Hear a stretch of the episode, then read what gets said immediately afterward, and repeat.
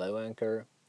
It's March 17th, and it is yet again time for an episode of Swedish titles of James Bond movies. And today it is time for 1977's The Spy Who Loved Me, the third movie with uh, Roger Moore Bond. Uh, and I quite liked this one. Uh, it is not as silly as The Man with the Golden Gun, and even though it's still it is a 70s Bond movie, so there are plenty of more or less successful gags in it. But it's an okay movie. It's the first movie with the henchman Jaws. Yes, he makes a second appearance, and uh, in this one, I think he's he's quite all right.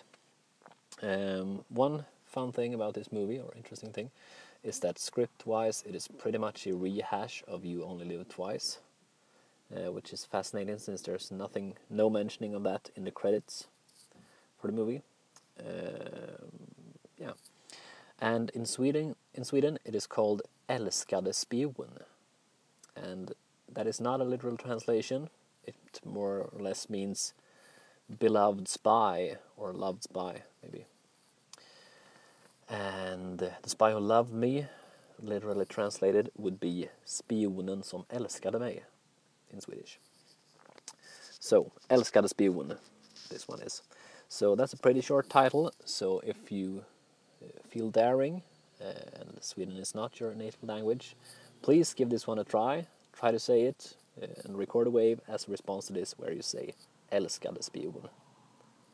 Okay, that's it. James Bond will return in Moonraker.